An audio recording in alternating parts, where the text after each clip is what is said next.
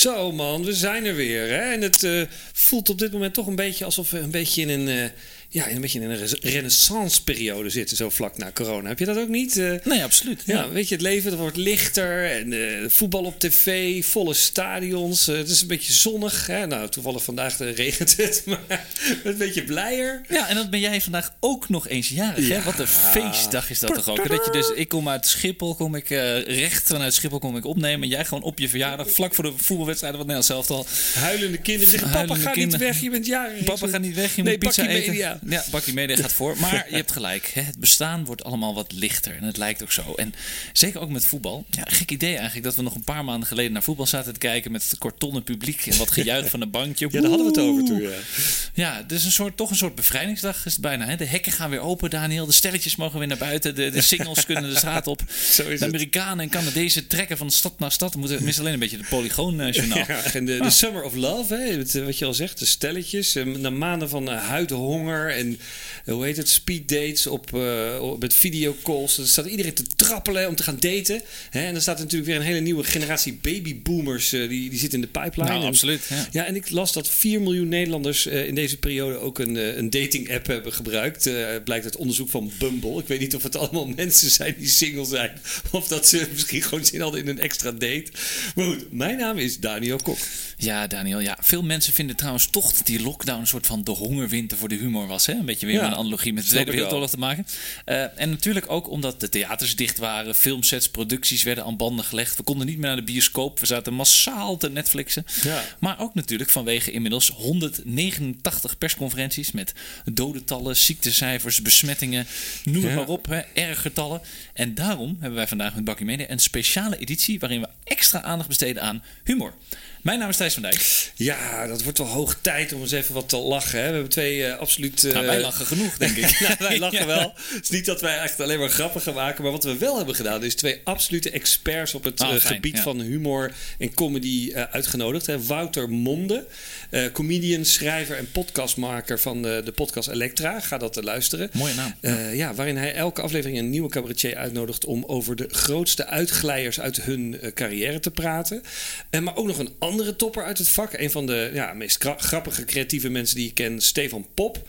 Uh, comedian en de drijvende kracht achter het NTR-programma Clickbait. En ook hij heeft een podcast. Iedereen heeft een podcast tegenwoordig. En dat heet Voor de Show, die hij samen met Ryan Pandey doet. Wat een prachtige naam toch al die mensen. Ja, en, en Stefan kijkt dus deze aflevering vooral naar de humor in commercials van toen en van nu. Een beetje vanuit jouw tijd en vanuit mijn tijd. Wel mooi. Nou ja, in feite eh, doet Wouter dat ook. Ja, dus en een beetje terugkijken en vooruitkijken is toch een beetje het thema van uh, Bevrijdingsdag met humor. Maar we hebben natuurlijk ook onze vaste Bakkie Media Award, de Gouden Barista, de tegenhanger Koffie Verkeerd en daarnaast natuurlijk mijn favoriete item, Complot or Ja, zeker. En ja, we hebben ook een heel kort momentje met Darth Vader en, uh, Yoda, jouw Star Wars Minute. Star Wars Minute, ja. Genoeg om voor te blijven luisteren, denk ik. Absoluut. En uh, nou ja, er was natuurlijk wel wat humor de laatste tijd. Hè. Je had de, de, de Zoom-outfits met de, de onder blote benen, zeg maar. Ja, of, of, de achtergrondjes die iedereen kon wisselen. Ja, of de, of de corona-pants en de corona-kapsels en de rare dansjes die mensen maken om te uh, vermijden dat ze een hand uh, moeten geven, ellebogen, dit en dat. Maar ik zag ook, uh, ja, toch ook wel hier en daar wel hele diepe, donkere, beetje sarcastische grappen en opmerkingen. En nou ja, ook het fenomeen dat mensen de behoefte hadden, bekende mensen of andere mensen, helemaal tot op het bot af te branden. Oh, lekker. Maar, maar goed, je zou kunnen zeggen dat dat een, een social media trend is die al iets langer speelt op dit moment. Maar ja. de humor was er wel. Nou ja, absoluut. En in comedy kringen heet dat dus roosten. Oh, oké, oké. Goed punt. Hè? Dan, uh, dan ben je dus uh, geen uh, troll, maar dan ben je een roastmaster. Op het moment dat het is je net een soort World of Warcraft, alleen dan op social media. Als je mensen afzeikt, dan ben je dus ineens... Maar goed, weet je, eigenlijk is dat best wel een goed idee, hè? De corona-roast. Weet je, dat je om de pandemie officieel te beëindigen... mogen we allemaal nog één keer allemaal helemaal losgaan... op al die mensen die de wind van voren hebben gekregen de afgelopen tijd. Ja, dat is wel een goed idee. Even kijken, wie vragen we dan voor de roast? Hugo de Jonge, Mark Rutte, Jaap van Dissel, misschien ja. Diederikje Gommers, die komt altijd nou ja, maar Diederik Gommers, daar hadden we geen hekel aan. Dus oh nee, dat, dat, is wel een, dat is een goede kant. Dat is de good side. Dat is de light side. Ja, dus um, ja, maar goed, je hebt natuurlijk ook, we kunnen ook breder. Je kunt ook gaan kijken naar Alexander en Maxima. Hè, met de Griekse huis natuurlijk heel veel uh, boze reacties. En Pietertje Omzicht natuurlijk, uh, ook vanuit de CDA probeert ze kapot Van held naar anti-held. Ja. Sievert onlangs natuurlijk ook iemand die we lekker kunnen afzeiken. En, en je had natuurlijk Martijn Koning, die de, de roast van Thierry Baudet bij Jinek had gedaan, zeg maar. Dus het zijn allemaal mensen die we dan in die laatste corona-roast even kunnen... nog even, even losgaan. Nou, mooi. Martijn Koning, onze koning, nou, die staat uh, genoteerd. Hè? hey, maar Daniel, ik las trouwens ook iets... dat Netflix recentelijk onderzoek heeft gedaan naar het kijkgedrag hè, tijdens de pandemie. Ik zei het al, we zaten massaal te Netflixen. En ja, de conclusie was eigenlijk dat naarmate deze pandemie langer duurde... de behoefte aan horrorfilms dus steeds minder werd en de populariteit van stand-up comedy eigenlijk toenam. Ja, maar ook de cijfers van romantische series, eh, bakprogramma's, reisprogramma's, weet je wel, lekker luchtig vertier. Nou, dat verklaart natuurlijk ook ergens wel weer het succes van Heel Holland Bakt op de NPO. Nou ja, Heel Holland Bakt was ook al een succes voor corona. Dus ja, voor corona, na corona maakt niet uit. Iedereen houdt gewoon van lekker bakken. Nee, maar, maar dat is wel eh, mooi. Uh, ja, dat heb ik. Ik heb ergens ook wel weer gelezen dat in de maart, uh, bij het begin van, van de corona-outbreak, had je al die films over pandemieën. Je had uh, 20 Day, wat was het? 28 Days Later heet dat volgens mij. Of Outbreak. Oh ja, met die aapjes. Dat is ook een hele oude. Ja, precies. Ja. De Dustin Hoffman nog. maar dat, dat soort films, dat was in het begin vonden we het nog wel een soort van interessant. En daarna zocht men kennelijk toch een soort van vlucht, denk ik. Hè? Mensen wilden toch even lachen, wilden thuis gezellig maken. En door het gebrek van real-life romantiek wil je dan toch een beetje melancholisch wegzwijmelen of dromen van bijvoorbeeld een verre reis. Dat is toch ook een vorm van, van vlucht, dat begrijp ik wel. Nee, ja, absoluut. Dat is ook even de reden dat ik Outlander ben gaan kijken. Een beetje terug in de tijd, nog naar dat Schotland, een beetje in het, in het water. Ja, fantastisch. Ja. Outland. Ja. Maar goed, Daniel, zoals jij al begon met de aflevering. Kijk, op dit moment zitten we midden in de lolligheid van het Europese kampioenschap. Een heel ander soort humor, denk ik. Beetje het hysterische soort. Hè? Door de tuin rennen met je juichcape als je Frank Lammers heet. Ja. Of gekkigheid met Ravel van der Vaart of Wesley Snijder als koning Toto. Die staat uh, te hakken. Nou, wat betreft uh, dat is de timing zo tegen het einde van corona ook wel weer interessant. Vind je niet? Het is alleen de vraag of het ook echt een beetje grappig is. Ja, ja, ik weet ook niet, kan het ook niet echt helemaal uh, duiden of de humor rond dit EK anders is dan de inhakers van afgelopen jaren. En misschien is er wel iets uh, structureels veranderd sowieso uh, in de hele comedy of in de hele humor. En daar heeft onze quote van vandaag, Stefan Pop, ook wel een mening over. Dus laten we die maar eens eventjes aan het woord laten.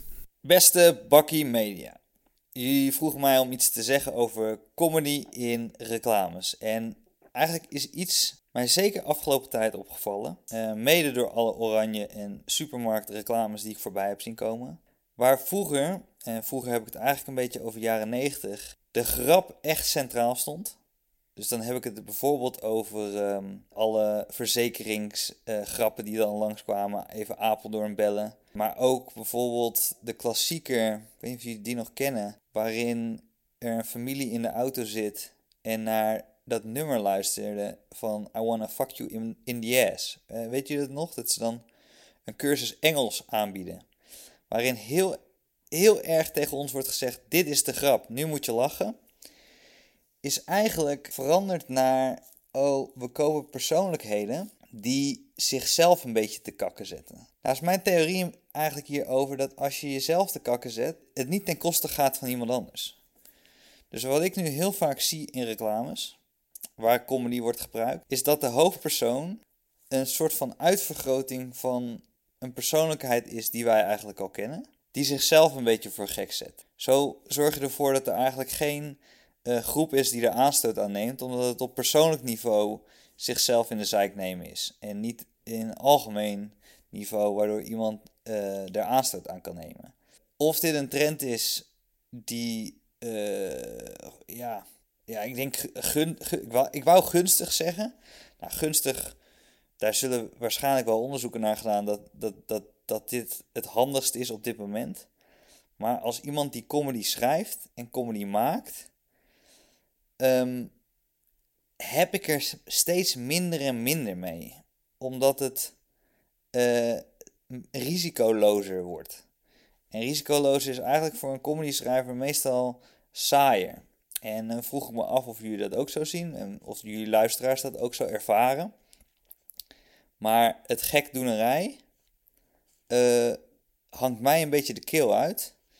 En wat nou als reclames maar weer teruggaan naar echt op de grap. En dan vinden sommige mensen hem wel leuk en sommige mensen hem niet leuk.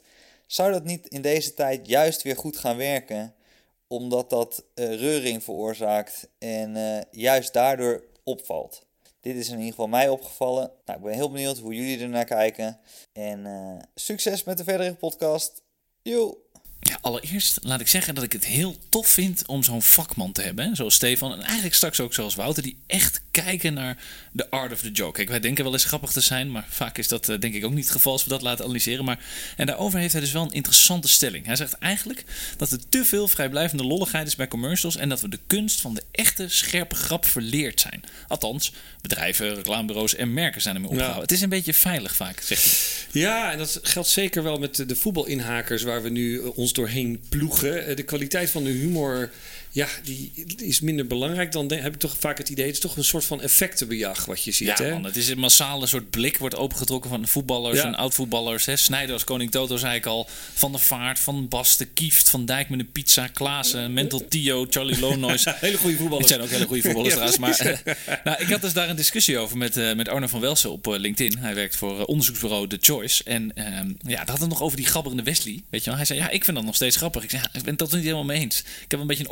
overkill van van, van, van Wesley. Ja, nou ja, kijk, de, de, de grap dat hij met zijn uh, hoofd scoorde en dat hij dan daar een soort van de gabber uh, move, dat hij zo tegen zijn voorhoofd slaat, dat vond ik op zich wel goed gevonden. Maar misschien als je iets eenmaal 440 keer gezien hebt, dat je het minder grappig vindt. En nee, goed, en als je kijkt dan naar de reclames van een paar decennia geleden, zoals Steven ook in zijn quote deed, was humor inderdaad soms ook ineens vlijmscherp, weet je wel. En lang niet altijd, want je had natuurlijk ook allerlei obligate tandpasta en andere automerken reclames en wasmiddelfilms maar het voorbeeld wat hij net uh, noemde, dat was wel echt ijzersterk. Hè? Recht voor zijn raap. En deed me trouwens ook denken aan een andere commercial uit die tijd... waar ook een familie in de auto zit. Hè? Dan zie je dat gezin voor het stoplicht staan. Een vader zit dan een beetje in zijn neus te peuteren. En dan roept het zoontje ineens... Hij is groen! En dan vader die geeft dan bam gas en dan hebben, krijgen ze een ongeluk. En dan zegt het jongetje, oh, en nu zie je weer rood. En dan zie je hem met zo'n ijsje zitten die allerlei verschillende kleurtjes heeft. Fruit Joy was het volgens nou, mij. Heb je dat ook niet een keer meegemaakt met jouw kids? nee, ik heb, ik heb vol, volgens mij uh, even afkloppen nog nooit uh, een auto-ongeluk gehad. Maar, maar goed, um, ja, ik heb toch het idee dat moderne merken en bedrijven vaak doodsbenauwd zijn om gecanceld te worden, weet je wel. En ze willen niet kwetsen en het liefst zo min mogelijk boze gekkies uh, in, de, in de social media. Dus dat dan maar proberen het een beetje globaal en algemeen uh, te houden. En volgens mij is dat ook een beetje wat, waar Stefan op doelde. Ja, maar ik vind dat ze daarmee wel een beetje doorslaan in een bepaalde wokeness. Hè? Weet je dat dan weer een nieuw woord, woke washing. Woke. Maar er mag best wel wat meer zelfspot in, vind ik, bij merken. Ik heb nu een beetje het gevoel dat sommige campagnes ook een klein beetje nep gaan aanvoelen. En daarmee ook hun originaliteit een beetje gaan verliezen. Het wordt allemaal zo braaf en veilig dat het allemaal van die middle of the road campagnes ja. worden, vind je niet? Ja, nee, dat, dat, dat, dat zie ik ook. En, maar wat vond je dan van Stefans punt dat, uh, nou ja, dat dat geen toeval is, omdat bijvoorbeeld allemaal onderzoeksafdelingen dan gaan uh, uitvinden of iets wel of niet werkt. Weet je, het is tegenwoordig niet meer gewoon die, die reclame cowboy die de, die de crazy idea heeft. Uh, dus het is ook gewoon een soort van enorm onderzoeksteam wat erachter zit. En misschien is dat ook wel het issue, hè, dat bedrijven dit, dit soort testen helemaal plat testen, dat elk brokje risico er uiteindelijk uitgefilterd is. Misschien is dat het ook wel. Nou ja, absoluut. Kijk, wat jij zegt, hè, alle uitingen worden van voren tot achter gecheckt vanuit onderzoek, correct mating postmetingen, pre, nou, noem het maar op, focusgroepen en dergelijke. Nou, wij praten er ook natuurlijk al veel over. Wij doen natuurlijk heel veel onderzoek. En ja. Ja, als je dan zoekt naar een uiting die een breed, zo breed mogelijk draagvlak heeft en zo min mogelijk mensen kwetst, ja, dan wordt een beetje lauw bier. Ja, niet? Ja, ja, ja, ja. Hoeft natuurlijk niet per se zo te zijn, maar het kan wel een risico worden. En nou, marketinggoeroe Byron Sharp, die zei dat ook. Hè? Die zei van ja, dat je als massamerk niet moet richten op herhaal aankopen van een relatief kleine groep fans, maar dat je vooral de breedte moet opzoeken van uh, gelegenheidskopers. En daar zijn namelijk meer van. De eenheidsworst is dus de nieuwe norm, denk ja, ik. Ja, dus zoveel mogelijk mensen includen in je boodschap en zo min mogelijk mensen uitsluiten. En dan krijg je inderdaad, uh, nou ja, dan heb je risico dat het, uh, dat het in ieder geval qua comedy, qua grap, dat het misschien een beetje flats wordt. Ja, dus precies. dat ja. uh, kan ik me inderdaad iets bij voorstellen. Nou ja, als je, als je hier dan een vrij recent voorbeeld van probeert aan te halen, um, dat gaat dan niet specifiek over humor, vind ik, maar wel over het nemen van risico. Dat is het verschil tussen Albert Heijn en Jumbo met de voetbaluitingen, ja, weet je wel. Battle of the supermarkets. Nou ja, goed, je had natuurlijk meerdere supermarkten. Als ik deze de twee, uit, twee even uitlicht, dan heb je uh, Albert Heijn, die had een brave, uh, ja, gelikte en vrij verbindende uiting gemaakt. Hè, met een soort van hemelbestormende speech van die, van die supermarktvrouw. En spelers van Oranje, die knikkend uh, zeg maar in de kleedkamer zitten met plakplaatjes op hun armen. En dan kwam Jumbo met een veel meer volkse snollebollekes, weet je wel. Echt, echt een beetje, bij wijze van spreken, tegen het platte aan. Maar wel echt een soort van feestende mensen op straat. En dan zo Frank Lammers, zo'n man van het volk, die dan, uh, wat je zegt, inderdaad de tuin inrent met zijn juichcape. Ik had trouwens ook van de week ook mijn juichcape strepen aan. Maar het was me echt... Ben je ook de tuin in gerend? Nou, het was me expliciet verboden om de tuin in te rennen. Het was echt... Ik denk dat, had wel een leuke viral geweest, denk ik. Ik denk dat mijn kinderen dan hun spullen hadden gepakt en gewoon weg waren gelopen. Als ik dat had gedaan. Maar ik eh, denk er toch over na om eh, bij de volgende wedstrijd het wel te doen. Ik denk trouwens wel dat ze een puntje hebben, die kinderen van jou, Daniel. Maar eh, even terug naar de humor. Uh, Wouter Monde is helemaal niet zo'n fan van, van, ja, van zomaar wat humor erin gooien bij commercials. En zeker niet de humor die door een lollige marketeer is bedacht. Laten we even luisteren wat hij daarover te zeggen heeft. Hoe gebruik je humor om een boodschap over te brengen of om een product te verkopen? Als ik heel eerlijk ben, liever niet eigenlijk. Nee. Humor is natuurlijk heel erg leuk en het is heel aantrekkelijk om te gebruiken in bijvoorbeeld een radio of tv-commercial. Maar humor valt en staat bij de verrassing. Hans Steeuwen vatte het ooit samen. Die zei: Oh, dan zeg ik iets en dan denken jullie: Oh, en dan is het anders. Nou, die verrassing, dat maakt een grap. Dat is wat het leuk maakt. En als je die boodschap heel vaak hoort, zoals dat het geval is bij een radio- of tv-commercial, dan is die verrassing weg. En dan wordt het steeds minder leuk. Of de grap moet wel zo ontzettend goed zijn dat die ook na honderd keer nog steeds leuk is. En dat is hij bijna nooit. En als hij heel erg leuk is, dan vergeten mensen meestal wat hij eigenlijk probeert te verkopen. Want dan onthouden ze alleen nog maar de grap. Denk aan de reclames die je in de jaren negentig had met Rijk de Gooier en Maarten Spanjer voor Reaal. Reaal regelt het allemaal met foutje, bedank, ken ik even vangen. Iedereen weet nog, foutje, bedank, ken ik even vangen. Maar bijna niemand weet waar die reclames voor gemaakt werden. En wat ik ook heel vaak mis zie gaan, is dat mensen denken: ja, maar iedereen heeft toch humor? Ik maak ook wel eens een leuke grap op een verjaardag of op een barbecue. Daar moeten mensen om lachen. Dus ik kan ook voor mijn uh, commercial zelf wel wat verzinnen. Of we hebben iemand op kantoor, die komt ook altijd zo gevat uit de hoek. Dat kan natuurlijk werken, maar liever werk je met een professional die gewoon dag in dag uit niks anders doet dan dingen zo grappig mogelijk schrijven en vormgeven. En natuurlijk kan jij iemand in je team hebben die daar heel goed in is, maar meestal is dat niet zo. Om dezelfde reden laat je de grafische vormgeving doen door iemand die heel goed is in grafische vormgeving. En niet door degene op kantoor die met je verjaardag een keer zo'n geinige kaart heeft gefotoshopt. Dus als je humor wil gebruiken in je boodschap, vraag jezelf dan af: is dit echt heel leuk? En hoe leuk is het als ik dit, of mijn klant, dit dus 50 of 100 of misschien wel 200 keer heeft gehoord? Dat gezegd hebbende, is humor natuurlijk wel prima te gebruiken, bijvoorbeeld in social media. Daar komt een bericht maar een paar keer voorbij. Kan je leuke inhakers doen, zoals uh, Martijn Konings. Uh, niet Martijn Koning, de comedian, maar Martijn Konings. Uh, dat heel goed doet, die inhakers maakt voor HEMA en andere bedrijven. Dat is kort, dat is snel, actueel. De grap is gemaakt, iedereen lacht erom. En twee dagen later zijn we door naar het volgende onderwerp. En als je als bedrijf besluit om iets te doen met humor, zorg dan dat je ook de zelfspot hebt die daarbij hoort.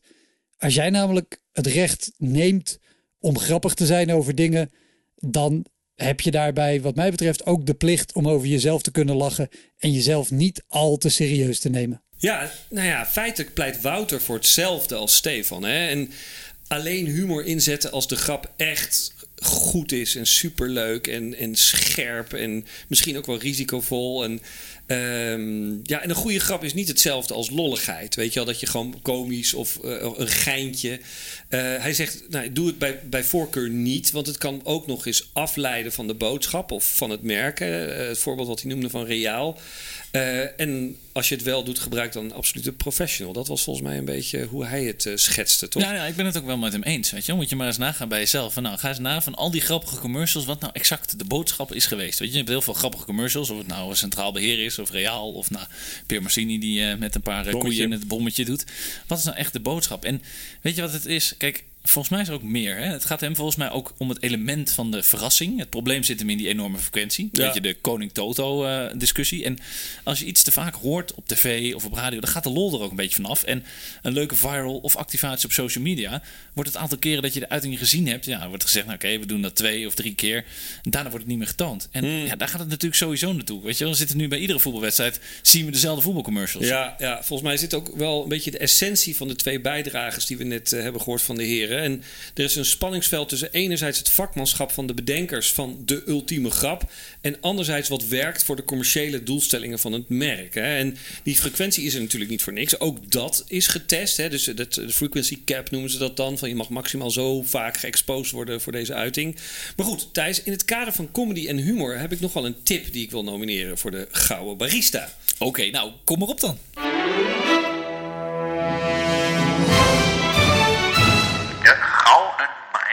Ja, nou, de bakermat van alle stand-up comedy en performers op dat terrein is natuurlijk Amerika. Nee, de, absoluut. Ja. De US of A. En de grote namen zijn natuurlijk bekend. Die kennen we allemaal van een Chris Rock of een Adam Sandler of nou ja, noem maar op.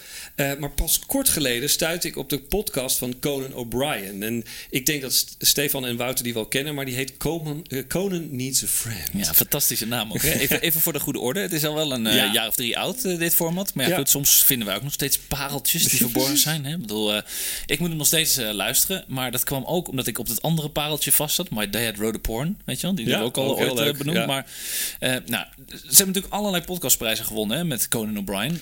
ja. En, en ja, met Conan Needs a Friend. Toch? Maar vertel, vertel, jij eens wat meer over. Jij bent fan, toch? Nou, precies. Ik, ik weet niet. Ik kwam er echt toevallig op terecht. En ik, ik kwam er ook later pas achter dat hij had vrij recente afleveringen. Maar ook al echt hele oude van drie jaar oud. Dus het is inderdaad in die zin een back catalog tip voor de Gouden Barista. Maar het is echt fantastisch. En zeker als je inderdaad een fan bent van, van comedy en van uh, podcast. En de basis is eigenlijk dat Conan O'Brien zegt van... joh, ik ben gefrustreerd dat ik alleen maar omga met mensen die op mijn payroll staan. En dan stond hij op een feestje om zich heen te kijken. Ja, zegt zo, iedereen, ik heb geen vrienden. Dan ja. iedereen die hier staat, die betaal ik. En dan komen er dus allerlei comedians langs. Hè, zoals Will Ferrell of Adam Sandler en nog een aantal anderen. Maar ook uh, bijvoorbeeld Tom Hanks en Obama zijn er geweest. En daar heeft hij dan uh, gesprek mee. Een beetje onder het mom van... waarom zijn we eigenlijk geen vrienden? En zouden we vrienden moeten worden? En nou ja, goed, dan wordt natuurlijk deels is het zoals ze dat zeggen, a bit. Weet je, weet je het is een soort van grappige act. Uh, en aan de andere kant is het ook wel deels oprecht, weet je wel. Het is echt, uh, echt grappig. Maar goed, ik, er is ook nog een ander concept van, uh, van Conan O'Brien, wat ik even wilde belichten. Je hebt geen aandeel in Conan O'Brien, laten we dat even duidelijk hebben, lieve nee, luisteraars. Nee, het is ook de eerste keer, fan. Volgens mij de eerste keer dat we het erover hebben, ook in, in Bakkie. Maar um, ja, door deze podcast kwam ik op, op dat spoor. En het is ook al jaren oud, maar echt briljant. Het heet The Clueless Gamer. Oh, dat klinkt wel spannend. En ja. dat begon als een item in zijn eigen show. En nu is het een apart YouTube-format geworden. Althans, daar vond ik het. En in dit format speelt hij elke keer een game met een andere celebrity. Of het zijn acteurs uit Game of Thrones, of het is Zac Efron. Of, uh, en ik heb toevallig eentje gekeken met Conan, Conan McGregor, de UFC-fighter. En dan was Die kan vast niet tegen zijn verlies, denk nou, ik. Nou, de, de grap was, ze hadden dus vanuit die ESPN, of weet ik van die game, hadden ze dus ook een poppetje van Conan gemaakt. dus er ging Conan met zijn eigen poppetje vechten tegen Conor McGregor. En die kon ook nog eens een keer heel goed gamen. maar goed, de mop is dat hij, dus Conan, eigenlijk een hekel heeft aan games. Weet je, hij vindt het niks. En, uh, hij, snapt het niet. En uh, er is ook een soort technische gast die dan een beetje afgezeken wordt. En die moet dan, waar moet ik op drukken? Welke knop? En deze bedrijven, die dus die games maken, die betalen hem dus grof geld om hun eigen spelletjes te laten afzeiken. afzeiken ja, maar goed, Thijs, tegenover elke gouden barista hebben we ook een koffie verkeerd. En wat is er deze week in de aanbieding als het gaat om verkeerde koffie? Nou ja, goed, het zal niet verrassend zijn, maar deze valt ook in de categorie oranje voetbalreclames. Ah. Nou, we hebben het al heel even gehad over Albert Heijn en, en Jumbo, maar het is deze keer de commercial van bol.com. Nou, ja. allereerst laten we beginnen met wat er wel goed aan is. Uh, ze hebben het nummer van Frans Duits en Maradoni gebruikt. Ja, dat is natuurlijk nu al een legendarisch nummer. Ja, dat is ik, ik, ik, draai het ook graag. En mijn kinderen draaien het ook heel veel. Het, uh, met als hoogtepunt eigenlijk hun optreden tijdens de rust van Frankrijk-Duitsland. Ja, dat is toch een Frans fantastische inhaker, toch? Geweldig. Het is briljant dat deze eigenlijk uit de hand gelopen grap... Uh, dat dat eigenlijk Frans-Duits zijn grootste hit ooit is, weet je wel. Bijna 10 miljoen streams en een uh, gouden plaat hebben ze gekregen. Um, en dan voor, voor de bol.com reclame hebben ze hier dan de leeuwendans van gemaakt, toch? Ja, nee, dat deel... Ik, is, kijk, dat deel is niks mis mee, weet je wel. Donnie en Duits, hè, die cashen ja, ja. lekker. Maar dan een spotje waar ik een koffie verkeerd voor uit wil delen. Voor degene die hem gemist heeft. Want ja, als je Nederlands voetbal kijkt, dan zie je hem elke avond voorbij komen. Of ja. als je überhaupt uh, Europese kampioenschappen kijkt. Maar, maar vergeet niet hierbij dat bol.com dus eigenlijk een van de winnaars was van de crisis. Hè. Ze hebben flink gecashed. Met ook nog de marketeer van het jaar in het midden, Boukje Taphoorn. Uh, dat schept ja, toch een beetje verwachtingen bij mij als uh, kijker. Ik ben niet helemaal neutraal in deze. Maar als je het dan op social media scant, niemand snapt ook de grap. Of het expres onduidelijk is gedaan Ik weet het echt niet. Want vertel nog eens eventjes uh, voor de luisteraar die toevallig uh, echt uh, onder een steen lag. wat, hoe zat het met dat spotje? Hoe zat het in elkaar? Nou, waarschijnlijk wordt die vanavond ook weer uitgezonden. Maar Ja. goed, het is een man in een leeuwenpak. Die haalt een bol.com pakketje op aan de Belgische kant van zijn straat. Dan neemt hij het pakketje dansend mee naar zijn huis. Hij heeft nog steeds zijn leeuwenkop op. Ja. En zijn vrouw zegt, nou, zeker weer bij de buren bezorgd. Waarop die man zegt, ja, ja, ik heb geen idee hoe dat komt. Haha. Ja, ik begrijp er dus echt nog steeds niks van. Ik heb, nou, ik denk dat spotje al inmiddels meer dan tien keer heb gezien. En ik zit, als ik het nu oplees, denk ik ook nog steeds van, ja, no clue. Ja, ja, ja, ja. Doesn't make sense, hè? Weet je, de leeuwenmeneer laat zijn pakketje dus expres ergens anders bezorgen. Dat is dan het hele idee. En dan is er ook nog, uh, moet je ook snappen dat het waarschijnlijk de grensstreek is waar dus België en Nederland zit. Op zich is dat dan, vind ik wel leuk gevonden, maar dat is iets wat niet wordt Wordt uitgelegd. helemaal niet uitgelegd. Nee, precies. Dus dan is het, oh, oké, okay, ze zitten kennelijk daar op die grens. En uh, hij doet kennelijk vaker dat pakketje bij de verkeerde uh, adres afleveren. En het is een heel klein soort van chauvinistisch pesterijtje. Maar het is helemaal niet haha grappig of zo. En Oranje speelt ook helemaal niet tegen België, of althans voorlopig nog niet. Ja. en voor mijn gevoel, weet je, het, het, ligt ook die, die ja, valse rivaliteit ligt dat ook meer bij de Oosterburen, toch? Bij de Duitsers. Ja. Zoveel rivaliteit hebben we niet met Want, de Belgen. Op nee, dit klopt. moment. Dan maken we een beetje grapjes over weer met de Duitsers meer. Ja, en weet je wat dan nog erger is? Er is dus ook nog een TikTok, TikTok tutorial. Dit zijn uh, tijden dat ik het niet uit mijn mond krijg. Gemaakt ja. om de leeuwendans te leren. Nou, leuk bedacht. Maar ik vind het ook wel weer een gevalletje van de plank misslaan. Nou ja, kijk, um, ik was dus op zoek naar die leeuwendans. Want ik dacht, nou, ik ben wel benieuwd wat die dans is. Want in de, uh, ik heb het spotje echt vier keer teruggekeken. Maar die leeuwendans zit dus niet in de commercial. En dan denk ik, ja, als je wil dat dat een hit wordt. Want ik bedoel, ik weet wel, met de juichcape, dan gaan ze naar links. En hebben een soort Superman vuist naar voren, gaan ze naar links en naar rechts. Uh, maar, maar de leeuwendans heb ik, ja, moet je dus echt naar TikTok. Dus ik heb echt op TikTok zitten zoeken en daar vond ik hem uiteindelijk. Misschien is het ook wel bewustzijn dat je dan echt op zoek moet. Kan nou ja, maar ik ga op zoek omdat het een soort vakmatig ding is. Ja. Niet omdat ik heel graag de leeuwendans wil zien. En in theorie is het natuurlijk leuk voor de kids, hè, maar ik hoor er niks over bij mij aan de, aan de keukentafel. Nee, ze zijn niet aan het oefenen thuis. En uh, wat ik een beetje om me heen hoor, is dat kids over het algemeen gruwelen van uh, toch gesponsorde content. Ze zijn toch of dansjes aan het doen of iets anders. Maar goed, ja, weet je, um, bol.com die richt zich natuurlijk ook op de ouders. Dus nou ja, die zouden dan eigenlijk actief hun kinderen naar TikTok moeten sturen. Ja, complex man dit. Ja, nou ja, weet je, en kijk, ze gaan wel mee met hun uh, tijd en, een, en, het is een trendy en zo. En ik heb ook heel veel uh, liefde voor bol.com uh, vanwege toch humoristische uiting uit het verleden. Hebben toch een reputatie. Absoluut, met die Sinterklaas commercials. Ja. En, maar het is wel, dit is denk ik wel een klein beetje wat Stefan en Wouter bedoelen. Hè? Het is een lollig, een beetje tikkeltje flauwe grap, um, maar geen winnende, echt super scherpe creativiteit. En ik bedoel, ik ben dan geen vakman. Maar ik kan me wel voorstellen dat zij daar ook wel uh, wat, uh, wat van vinden. Ja. Nou, we hebben genoeg over bol.com nu gepraat. Hè? Ik bedoel, die sponsoren onze show niet. Maar het is uiteindelijk hebben ze nee, even wat, meer. wat sponsoren uitbesteed. niet meer. Sorry. Helaas, de sponsoring is voorbij. Maar Ja. Daniel, even heel wat anders. Hè? Wat hebben jouw nieuwe vriend Conan O'Brien en nou ja, onze vriend van de show die vaak besproken wordt, Donald Trump, met elkaar te maken? Nou, ze hebben zo, uh, op te beginnen alle twee rood haar. Maar uh, ik weet natuurlijk een klein beetje wat er aan uh, zit te komen. volgens mij ligt hier een link naar complotten.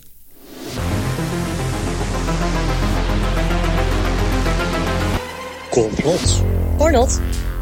Ja, Daniel, je voelde het al goed aan. Ja, ze spelen allebei eigenlijk een hele belangrijke rol in complottheorieën, complotdenkers, het voeden van complot or not lovers, zoals ik.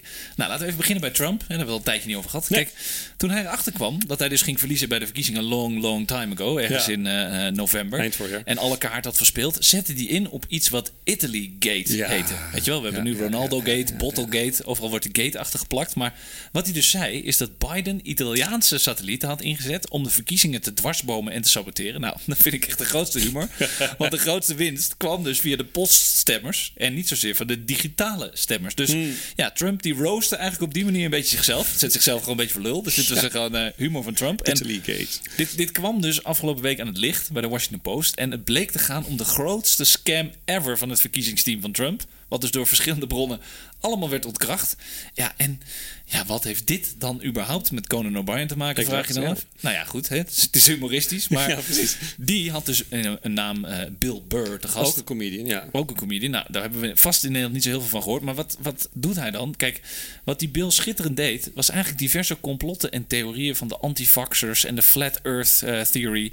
op humoristische manier echt ontkrachten. Maar dan ook echt feitelijk. Ja. Nou, het staat in de show notes, het filmpje. Ga het vooral kijken. Ja, je lacht je dood. Maar zijn mooiste punt ehm, ging eigenlijk over het feit dat mensen die denken dat het vaccin een truc is van de overheid om haar burgers te onderwerpen en volgzamer te maken. Kijk, hij zegt, als dat dan waar zou zijn, dan vermoordt de overheid de verkeerde mensen. Alle mensen die begaafd zijn en volgzaam zijn, neem het vaccin. En alle critici die het vaccin wantrouwen, laten het links liggen. You're killing the wrong people, zegt hij dat.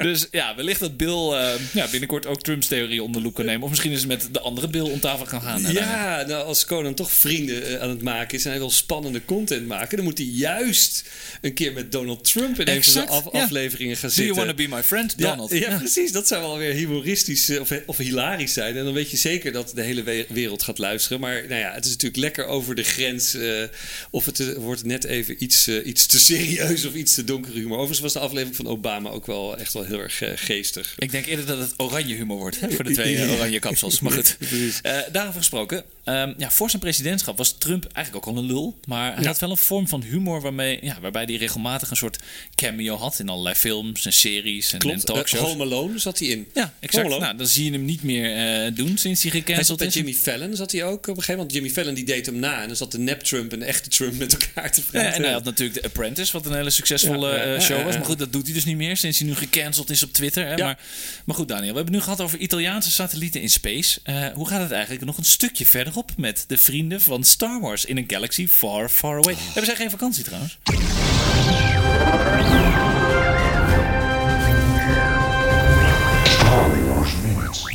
Vakantie in de Galaxy Far Far Away. Grappig dat je dat zegt. Star Wars en vakantie. Ja, ook in de Galaxy Far Far Away gaan ze er wel eens uh, tussenuit. Hè? Oh, de nou, dat is Chewbacca en uh, Princess Leia die moeten toch ook een keer even bijkomen.